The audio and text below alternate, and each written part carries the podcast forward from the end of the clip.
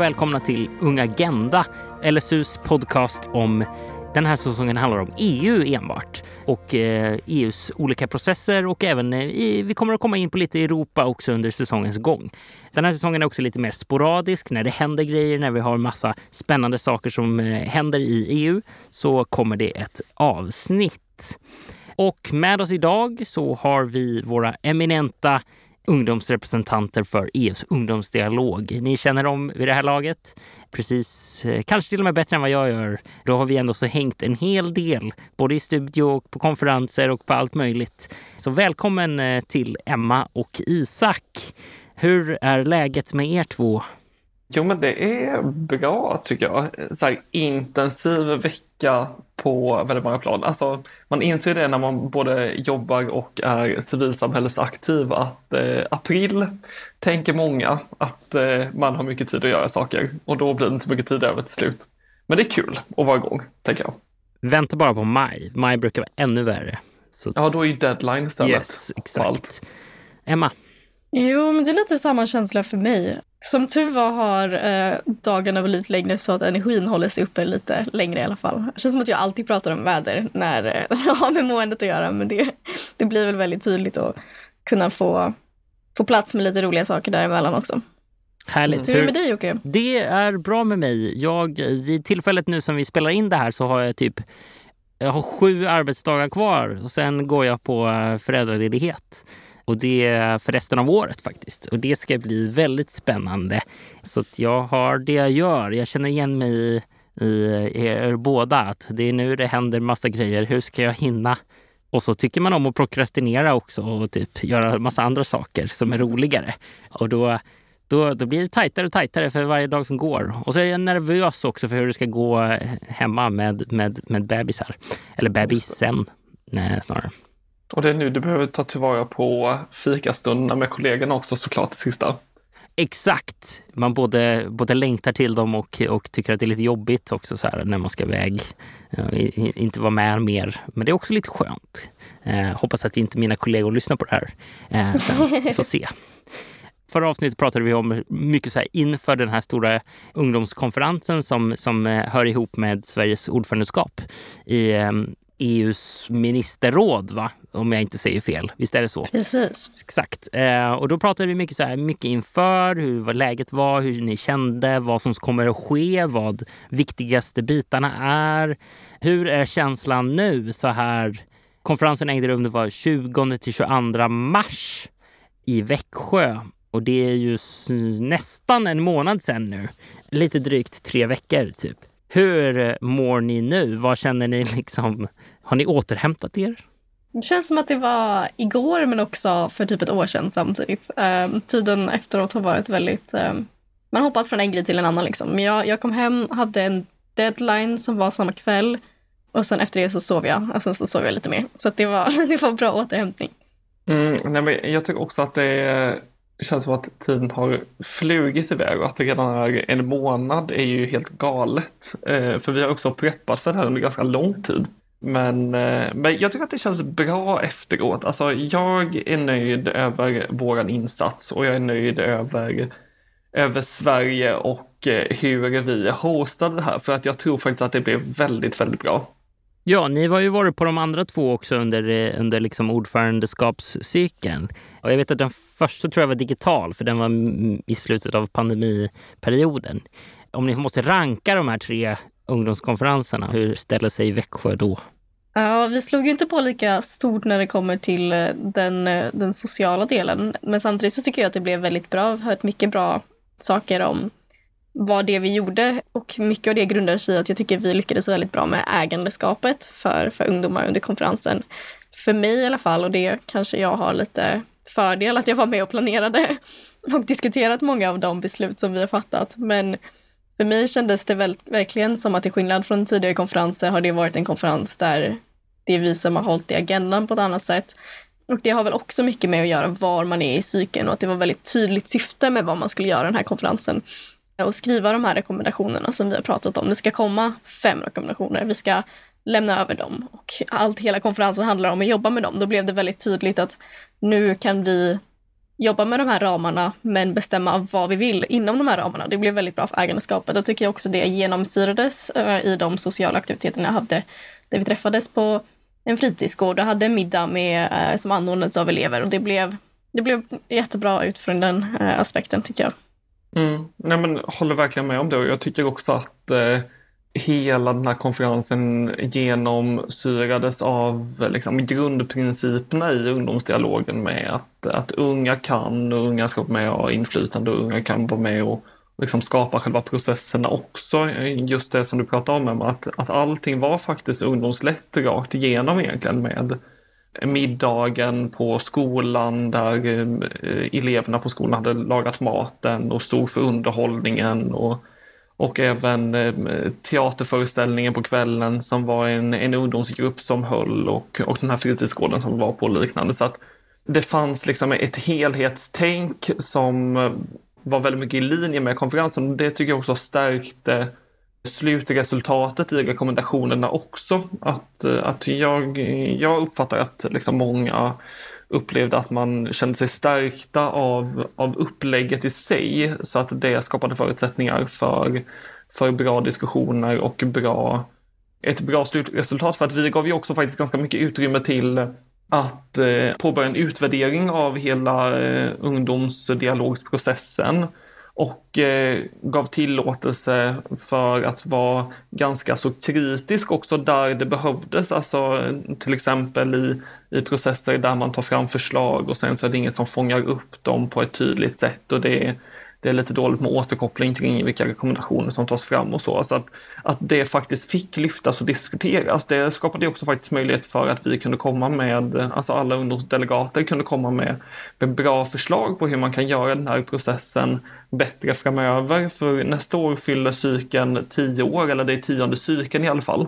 Och om vi vill att det också ska vara ett 20 cykels jubileum, då behöver ju faktiskt de synpunkterna som kom in här tas tillvara på för att det ska kännas meningsfullt eh, hela vägen. Och det tror jag att den här konferensen faktiskt satte goda förutsättningar för. Ja, nu ska vi inte gå all, allt för mycket i förväg men, eh, och prata om allting på första frågan. Men det jag tyckte att vi lyckades bra med också var att sätta konferensen i, i perspektiv och att den knyter an till resten av vad som pågår i resten av EU-processerna. Så det knöt an till det Director General-mötet som är efteråt. Det är när alla från alla medlemsländer, deras ansvariga personer för ungdomsfrågor möts för att diskutera de här frågorna. Och tidigare har det inte riktigt haft så mycket med ungdomsdeltagarna att göra. Men nu fick faktiskt um, jag möjligheten att tala på det tillsammans med en uh, representant från uh, European Youth Forum som är typ en europeisk LSU, en paraplyorganisation för eh, landsråd och eh, ungdomsorganisationer. Och för mig då så blev det ett bra sätt att se hur konferensen också kan bygga vidare och vara en del av det andra arbetet som sker i EU och inte liksom en isolerad process som bara rör unga och den politik som drivs speciellt mot, mot ungdomar. Spännande. Det känns ändå som att ni låter ganska nöjda. Frågan är, den första konferensen under den här cykeln, den satte lite grann agendan va, för de här tre konferenserna som har varit. Den andra kanske satte mer ramverket och ni får rätta mig om jag har fel. Och den här tredje så skulle ni ju finalisera de här rekommendationerna. Känner ni att, att ni hann det? Fick ni till det? Och vad blev de i slutändan? Den här konferensen var första gången som min röst kändes på riktigt i alla fall. För det här, vi har ju tidigare i podden pratat om att vi har genomfört en stor konsultationsprocess där vi har frågat runt om så. Men när vi hade den konferensen i Prag så var inte den konsultationsfasen fastställt. Så där fanns inte vårt mandat på samma sätt. Så det här är egentligen första gången som vi har träffat de andra ungdomsdelegaterna och haft lite kött på benen i med tanke på vad vi kan säga att den svenska ungdomsrörelsen eh, står för eller förespråkar. Så, så för mig var det här på riktigt på ett annat sätt än vad de andra konferenserna var. Precis som du sa så handlade det ju om i Frankrike att, att sätta ramarna och prioritera vad är det viktigaste när man kan diskutera de här frågorna in i, in i all oändlighet. Prag som vi utvärderade lite efter det blev ju någonstans däremellan. Lite otydligt mer mer nätverkande och utbyta bra idéer snarare än att komma fram till någonting. Mm. Så, så på så sätt så värdesätter jag det som vi gjorde väldigt mycket under den här konferensen. Eh, Det blev väldigt tydligt att man har vissa röda linjer kring vad man kan acceptera och inte acceptera. Ehm, Och eh, det var väldigt häftigt att se. Jag tycker nog också att vi hann med och han har bra diskussioner och kan vara liksom nöjda med det resultatet som vi kom fram till på mer eller mindre baserat på vilken grupp det var skulle jag säga också. Men om man kollar på den här cykeln i stort, alltså då tycker jag ändå att det blir ganska tydligt att det finns eh, man kan ju göra det på ett annat sätt också. Alltså 18 månader, det är rätt så kort tid, men det är också ganska lång tid på många sätt också. Och, eh, och det finns goda möjligheter att utveckla det här ännu mer och eh, framförallt så så märktes det också på plats att det finns rätt så mycket olika förutsättningar för eh, olika delegater i eh, deltagandet. Alltså jag och Emma har ju varit med från start i, Mm. i den här cykeln, varit med under hela processen och då är det ju lättare att följa att eh, första konferensen var eh, där vi sätter agendan, andra konferensen delar vi goda exempel, sista konferensen sätter vi rekommendationerna. Mm. Även om mellankonferensen kanske var lite den hade man nog kunnat göra annorlunda om det hade planerats på ett annat sätt. Men, men sen fanns ju också de som eh, kom till konferensen och var där för första gången för att vissa länder också väljer att ha en annan cykel kring när man är delegat till exempel. Mm. Och då blir förutsättningarna annorlunda också för, för de personerna på plats men också för de andra som deltar i de diskussionerna. Och att där tror jag att om, om alla hade haft samma förutsättningar så tror jag att man hade kunnat komma ytterligare lite längre i vissa grupper också och eh, komma fram till ännu spetsigare förslag. Och framförallt kunna jobba bättre med implementeringsfasen sen, alltså hur vi får de här förslagen att bli verklighet i, i medlemsländer eller på EU-nivå. Mm. Verkligen, och där var det, kan vi komma tillbaka till att hur viktigt det var att man fick det, att vi hade en hel eftermiddag egentligen där som bara tillägnades att utvärdera processen. Och då, då var det väldigt eh, snyggt uppstyrt av bland annat Alice eh, från LSU som var en av eh, de som ledde konferenserna från, från den svenska sidan, där man fick välja helt enkelt vilken kategori av utvecklingsmöjligheter som man var intresserad av att diskutera. Så det fanns allt från hur man eh, på ett hållbart sätt ska kunna ta sig till konferensen till hur man ska jobba med implementering. Eh, så det var högt och, högt och lågt eh, och olika delar, liksom strukturella förändringar men också mer praktiska förändringar. Och där var det någonting som lyftes väldigt tydligt att det behövs liksom större eh, kontinuitet mellan, mellan konferenserna så att man kan delta på samma förutsättningar, precis som Isak precis lyfte. Men också att dialogen då behöver kunna jobba med implementering på ett annat sätt och ha en längre implementationsprocess. För precis som Isak och jag kommer ha fått följa hela den här nionde cykeln så kommer inte vi ha så mycket realistiska möjligheter att följa upp den här implementationsfasen från, från vår sida eftersom att vår mandat har slut. Så det är någonting som har varit en stor, eh, ja, en stor diskussion för förbättring. Tack. Vad blev resultatet nu då? Vad kom man fram till? Vad, eh, vad är det man ska försöka implementera framåt? Även om ni inte får vara med i den processen då. Men vad var de starka rekommendationerna? Vi kan berätta lite mer om vad själva rekommendationerna innebär. Ta lite recap. Det är ju så att vi har jobbat med fem olika delmål under den här cykeln och eh, varje delmål eh, fick då helt enkelt en rekommendation. Så att vi har jobbat i olika grupper. Jag har suttit i gruppen som heter Governance och Environmental Policy som handlar om olika ledningsstrukturer eh, i koppling till hur man skriver policy på miljö, eller som rör miljöfrågor helt enkelt. Mm. Och Isak, du jobbade med Ja, men jag jobbade i eh, Access to Infrastructure, heter den, och alltså tillgång till infrastruktur. Och det är ju ett ganska brett anslag där infrastruktur omfattar ganska mycket, alltså transport, bostäder, eh, internet eh, och så vidare. och så vidare. Eh, men vi, vi valde att avgränsa det till tillgång till kollektivtrafik för att det, mobilitet är ju viktigt för, för alla människor och kollektivtrafik är ju det mest använda resemedlet för unga helt enkelt och att det behöver bli mer tillgängligt och, och billigare framförallt för att det ska vara möjligt för unga att, att ta sig fram på ett vettigt sätt helt enkelt. Ja, och där vet jag ju att ni kom fram till en ganska konkret sak i, mm. som skulle gynna hela EU. Mm. Ja, men exakt. Där hade vi Eh, Eh, ett förslag på en eh, EU Youth Climate Ticket, kallar vi den. Alltså, det vill säga att i grund och botten skulle det vara en, ehm, en utveckling av Interrail-kortet om man vet vad det är. Alltså det kortet som man kan köpa och eh, som man kan nyttja på alla tåg runt omkring i, i hela Europa. Och det, det kan man liksom köpa en så här sju dagars biljett eller 30 dagars biljett eller liknande.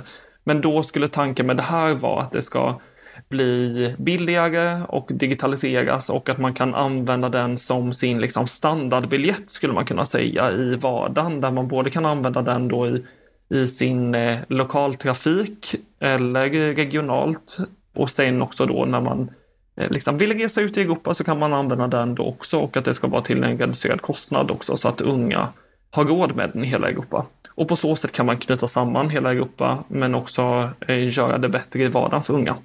Det låter ju oerhört eh, spännande och fantastiskt. Det är synd mm. att man inte räknas kanske som ungdom så mycket längre till, eh, eller, eller inte alls just nu.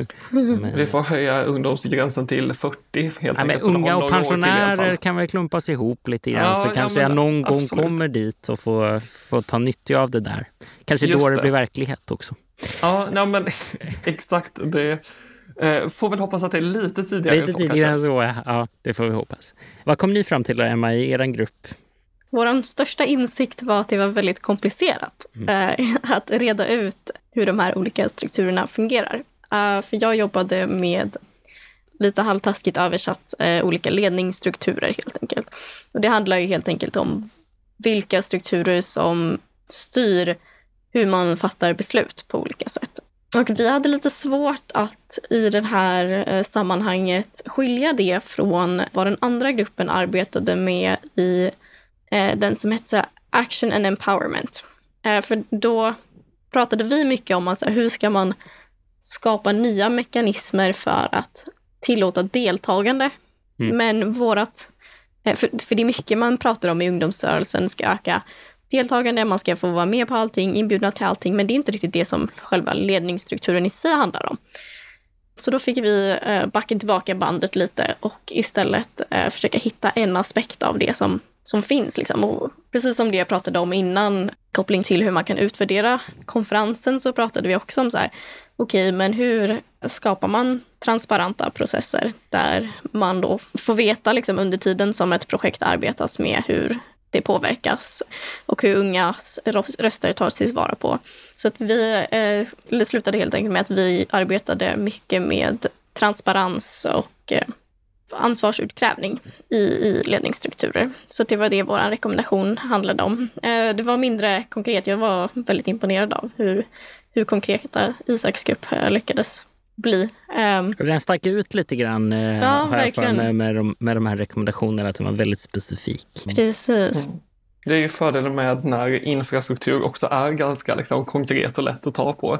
Men, men å andra sidan tycker jag att det, är, alltså, det som er grupp kom fram till, Emma, är också eh, viktigt. Alltså, så här, man får ju heller inte tänka att att bara konkreta saker går att genomföra, för det här är också sånt som är viktigt. Och, och det kan ju vara bra att bara förtydliga. För att det är ju, alltså EU jobbar ju ganska mycket med så här mekanismer, lingo och så, men det kan ju vara till exempel att i, i Sverige på lokal nivå finns det många kommuner som har ungdomsråd till exempel, där unga får vara med i vissa beslutande processer eller i alla fall får, får vara rådgivande. Och, och det kan man också lyfta fram som ett sådant gott exempel då på hur man kan öka transparensen. Men, men också att, eh, att jag tror bara att man behöver göra det jobba med transparensen brett också och, precis som ni var inne på att det inte handlar om att man ska vara med i början eller i slutet utan att man får med unga i processerna rakt igenom och att, mm. att när det blir mindre konkreta förslag, ja, men då blir det ju ännu viktigare att man har en ungdomsrörelse som lägger på och ser till så att det här faktiskt blir verklighet också och, och hjälper till och ger förslag på hur man skulle kunna konkretisera det i,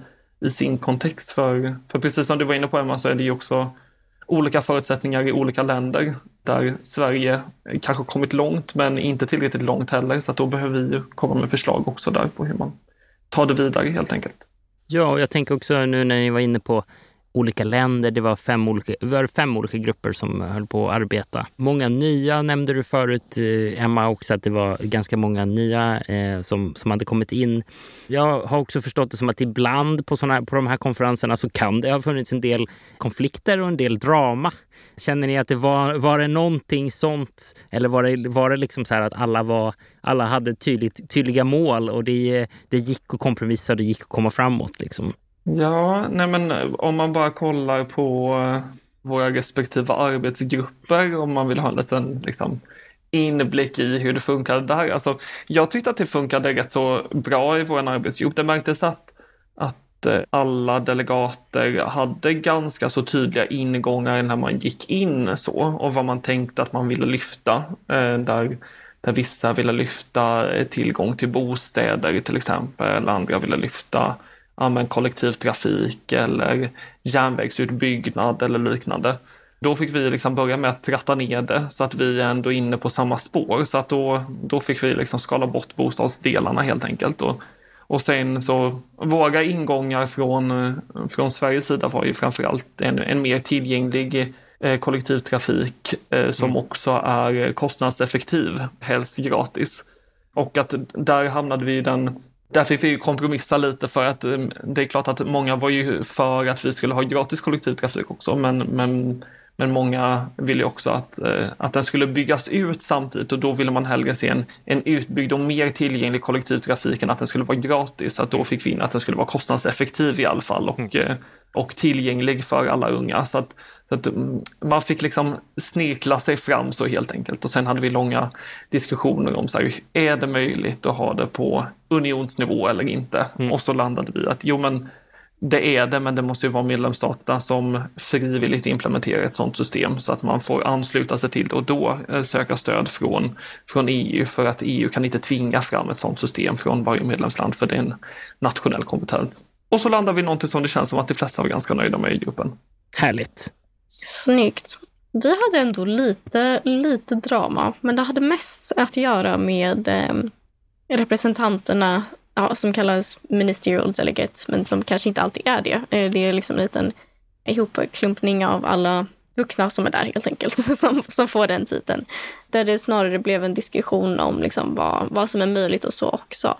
Um, så egentligen så kommer det väl in på vad man har för olika syn på de här frågorna. Och för, för oss blev det ganska tydligt att till exempel när vi diskuterade vare sig eh, delaktighet är en del av att ändra liksom, ledningssätt eller inte, så handlar det om vilken verklighet man har i sitt eget medlemsland och vilken, var en startpunkt är när man diskuterar sådana här frågor och eh, vilka existerande strukturer som redan finns. Och då blir det väldigt tydligt att det finns väldigt stora skillnader mm. och att de olika skillnaderna också beror, eller påverkar hur man ser på strukturer och vad man ser som, som möjligt på, eh, som Isak sa, unionsnivå och vad som ska liksom ha med varje medlemsland att göra.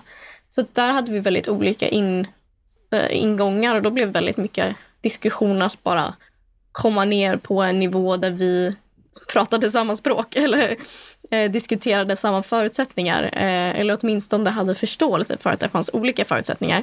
För början så började vi bara diskutera och förstod inte riktigt varandra och då blev det ganska tydligt att vi pratade om olika saker. Mm. Så på så sätt var det mycket mer abstrakt.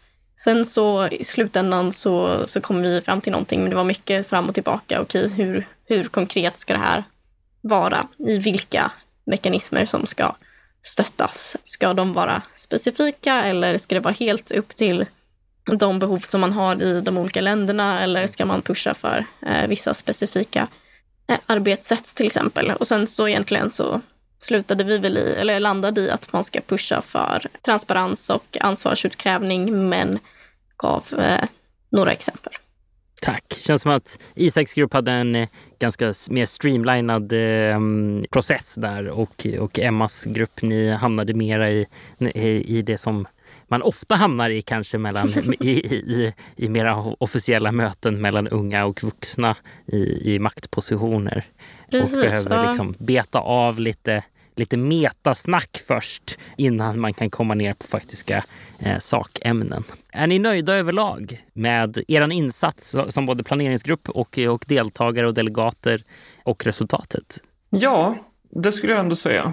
Alltså, jag tycker att utifrån det mandatet vi eh, fick från konsultationsprocesserna så, så har jag och Emma ändå lyckats få in de delarna som vi ville helt enkelt eh, i de arbetsgrupper som vi var i. Så att, eh, jag tycker att eh, vi har levererat på det mandatet vi har fått helt enkelt.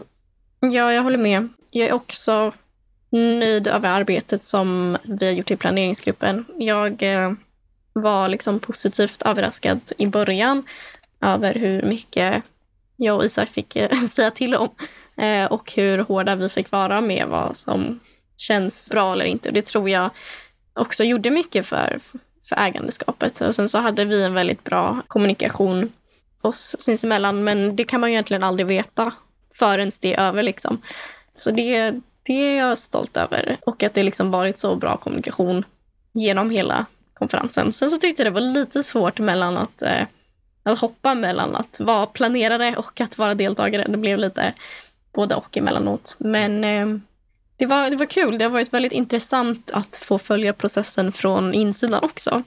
Och sen prata med personer också blivit väldigt tydligt så här, den här delen kanske vi skulle förklara för någonting som var självklart för mig och Isak som hade diskuterat det här i flera timmar Mm. de senaste månaderna kanske inte kommunicerades tillräckligt väl. Så man lärde sig väldigt mycket och fick större förståelse för hur de andra konferenserna planerades också. Tack. Jag var också där. Var- Jag, jag, jag är nöjd. Jag tycker det, eh, det var roligt också. Ni fick ju göra väldigt mycket det så här, sidouppdrag hela tiden, som sidequests nästan. Träffa en skolklass där som ni hade lite, lite snack med. Ni hade lite mediala uppdrag och så. Det var, det var kul att se och följa med på. Det var just de delarna tyckte jag också var jättekul. Och vi pratade om det här eh, DG-mötet som var efteråt som Emma och jag eh, fick eh, delta på. Emma höll ett tal. Eh, Alltså det är ju de olika myndigheterna egentligen framförallt som, som möttes. Ansvariga personer för de myndigheterna som, som ska ta det här vidare, som jobbar med eh, ungdomspolicyfrågor i de olika länderna. Och sen så efteråt var vi också på en middag med eh, hemma hos landshövdingen då i, i Växjö. Men där hamnade jag bredvid en, en man från Belgien som har jobbat med eh, ungdomsdialogen från start och var med och startade upp det. Och det var också jätteintressant faktiskt då, att höra hur det har förändrats över tid och, och hur det har blivit liksom mer och mer konkret. Men... Han sa inte att det var bättre förr, hoppas jag. Nej, det gjorde han Nej. inte. Men, men det som var ganska eh, nice var att han stämde in i ganska mycket av den liksom, kritiken som, som jag och Emma fört fram också kring att det är Att det behöver utvecklas lite. Ja, men precis. Och hur man tar vidare frågorna efteråt. Och eh, då kändes det ändå som att så här, ja, men vi har ändå, vi är inne på rätt spår här. Och eh, då är det också bra att vi fortsätter trycka på de delarna och skicka vidare det till nästa delegater. Att det här är någonting som är viktigt att vi jobbar vidare med helt enkelt. Har ni några exempel på de eh, vägarna framåt? Ja, men det handlar ju mycket om att, inte, att ungdomsdialogen inte ska vara en isolerad process. Det ska dels inte vara så att det tar slut och man börjar om från början eh, under nästa cykel, men också att det ska vara mer integrerat i liksom resten av vad som sker inom ungdomspolicy eh, och allt, allt som har med unga eh, att göra inom EU. Det är liksom grundkärnan i de förbättringar som vi vill se, men mer konkret handlar det om möjligheter att kunna få jobba med implementeringsdelen av uppdraget efter att cykeln har slutat. Om man skulle kunna ha något mer möte där man möts upp för att bara diskutera implementering. Eh, det är egentligen den konferensen som vi hade i Prag där vi pratade att vi delade med oss av bra exempel. Det är egentligen en sån process som ska ske efter att cykeln har slutat. Och att man kan dela med sig av goda exempel där. Eh, för nu blir det också en isolerad process. Så att egentligen så kommer allting det blir liksom ett litet hjul där allting kommer tillbaka till att det inte finns någon kontinuitet. Eh, och sen så lyfte ju Isak tidigare också att eh, delegater måste få samma förutsättningar att delta. Att, att när man har olika cykler för vilka delegater som deltar när så eh, blir det inte heller så bra kontinuitet. Men det handlar också om väldigt konkreta saker som att vi måste ha en gemensam grafisk profil så att det finns kontinuitet där. Det, liksom, ungdomsdialogen blir ett märke istället för att som nu eh, det är väldigt mycket upp till varje ordförandeskap i ministerrådet hur de vill arbeta med ungdomskonferensen. Mm. Så det måste liksom få, få ett eget liv även om det måste finnas ägandeskap även hos, hos medlemsländerna. Tack. Nu nästa cykel då, där var det, vilka, vilka länder var det som var, det var Spanien? Yes, så att de som kommer ta vidare här nu efter oss, de kommer få åka till eh, Alicante var det va? Ja, Precis, eh, nu i höst. Det är ju mm. inte helt otrevligt i Spanien. Och sen därefter blir det Ungern och sen Belgien eller tvärtom Belgien-Ungern. Ja, Belgien-Ungern tror jag. Mm. Eftersom att vi i varje avsnitt brukar prata om någon slags europeisk stad så tänkte jag att vi skulle säga, nu får ju inte ni tyvärr vara med på det här. I, åtminstone inte i de här rollerna. Eh, man vet ju aldrig, ni kanske myglar er in på något sätt ändå. Eh, vem vet? Man kan liksom inte hålla, hålla sig borta kanske när man väl har varit inne i det. Men om ni måste välja en av de här ställena då, vilken skulle ni helst mest se fram emot? Vilken är det, eh, det, det målet och den konferensen som ni skulle liksom vilja vara med på? Jag hade nog gärna åkt till Ungern. Jag tror att det kommer bli väldigt intressant att få följa hur deras eh, departement och regering tacklar ungdomspolicy och deltagande och eh, uttrycka så många kritiska åsikter inom ramarna för de eh, ja, men de linjer som Ungerns regering eh, drar just nu. Eh, så att jag tror jag hade blivit ganska besviken på eh, hur den konferensen kanske anordnas med tanke på deras icke-demokratiska rörelse just nu. Men eh, det hade varit väldigt intressant att se från ett mer, eh, inte lika nu ska vi få resultatperspektiv, utan hur, hur eh, ser man på, på ungdomsrörelsens roll i beslutsfattande eh, i länder där demokratin inte riktigt funkar som den ska.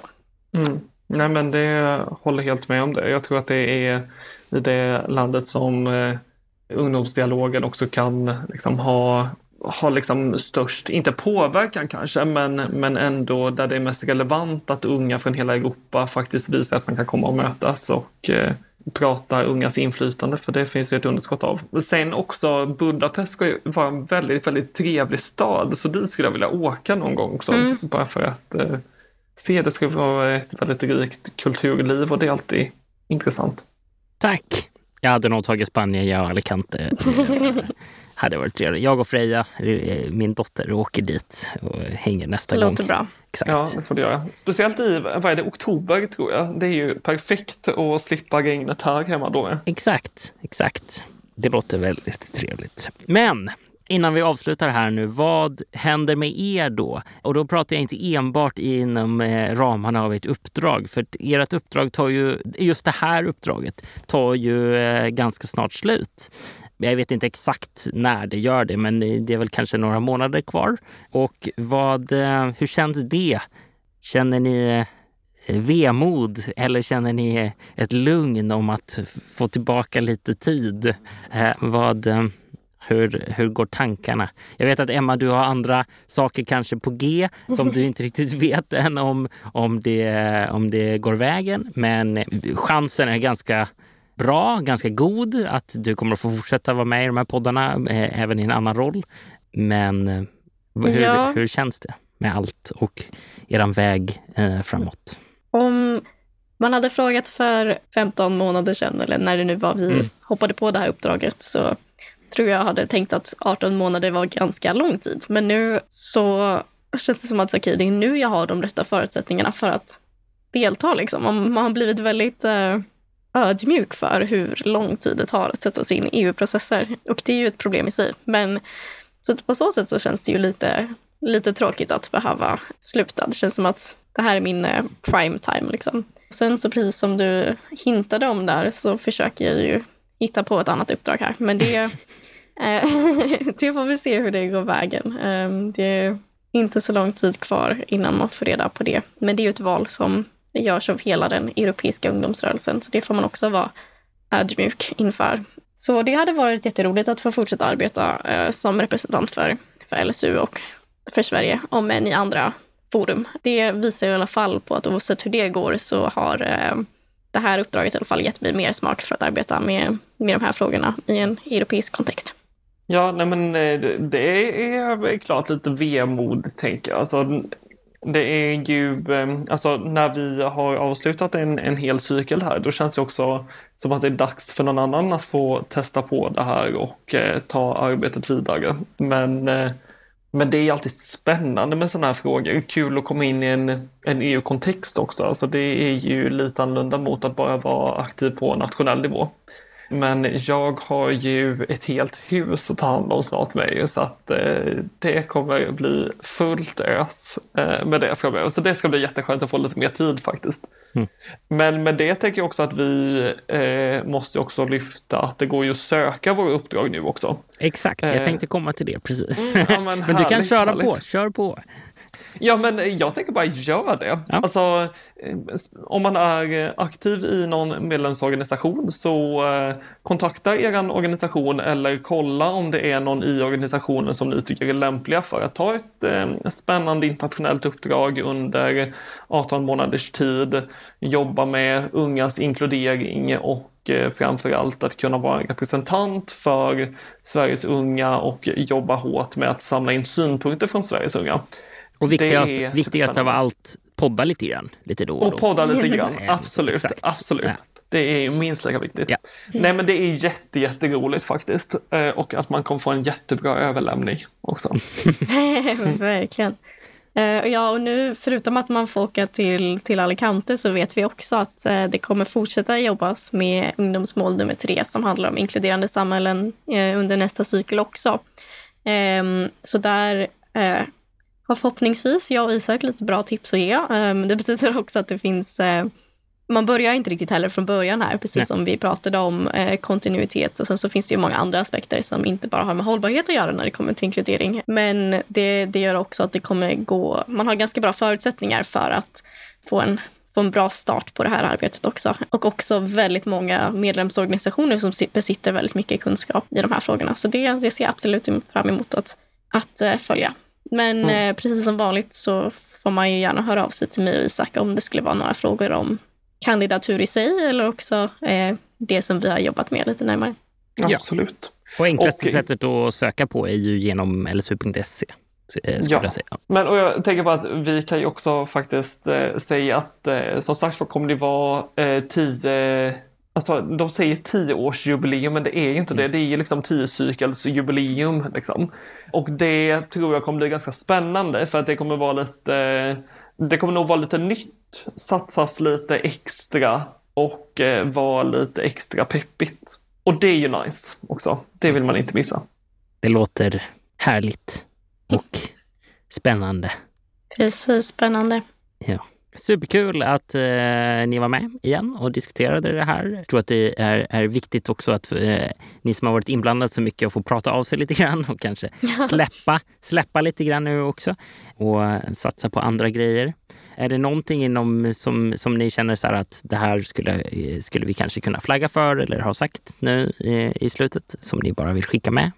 Mm, nej men, vi har varit inne på det lite andra poddar men som sagt, jag tyckte att det var så himla himla bra att vi var i Växjö faktiskt. Mm. Alltså att visa att eh, Europa är lokalt och regionalt framför allt. Europa är liksom inte huvudstäderna bara. Och att, att Växjö slöt verkligen upp kring hela den här konferensen också mm. och visade på på stadens hela repertoar. Det tyckte jag var väldigt kul och häftigt och eh, visade sig från sin bästa sida, även om det var typ tre grader och regn eh, hela veckan. Det var väl det som var lite synd kanske. Vi ska också nämna nu att Isak är lite biased i, i det här. eh, Skulle aldrig. Men, Absolut inte. Men tack, tack för den, Isak. Ja, det var i alla fall en ärlig bild. tre grader och regn. Ja. Isak förskönar och vi är realister. Men uh, ja, uh, sen skulle väl jag säga att um, mitt och Isaks jobb har ju inte tagit slut än. Um, vi har mycket utvärdering kvar att göra kring den svenska processen men också vad vi tycker om eh, cykeln i sig. Så att den här podden är ett sätt för oss att förmedla och liksom vara transparenta i det arbetet som vi gör. Men sen så kommer vi också skriva den här sammanställande rapporten och där kommer det bli mycket disseminering om allting som vi har gjort. Um, Ja. Så att eh, är det fortfarande oklart så kommer det förhoppningsvis bli klart där. Ja, och jag, vi, jag vet i alla fall att eh, du Emma och, och jag kommer att träffas i några avsnitt till snart. Precis. Jag vet inte riktigt om Isak ska vara med jättemycket mer, men eh, jag tror att ni hinner med eh, Europadagen i år i alla fall innan ert uppdrag tar slut. Så det är möjligt att det Precis. kanske blir något eh, kring det. Ja. Det kanske blir sista avsnittet som jag, som jag gör med dig Isak. Eh, och då vill jag bara säga tack. Eh, Det har varit väldigt eh, spännande att lära känna dig. Eh, Tack. lite grann på djupet, men även i, i, i, i EUs processer. Mm. Ja, och vi ses ju framöver. Ja. Helt klart. Du får komma förbi på en fika. Det, det låter jättespännande eh, och, och trevligt. Ja, med det så säger jag eh, tack tror jag eh, och eh, ha en fortsatt fin kväll. Detsamma. Samma. Tack. Tack så mycket. Tack.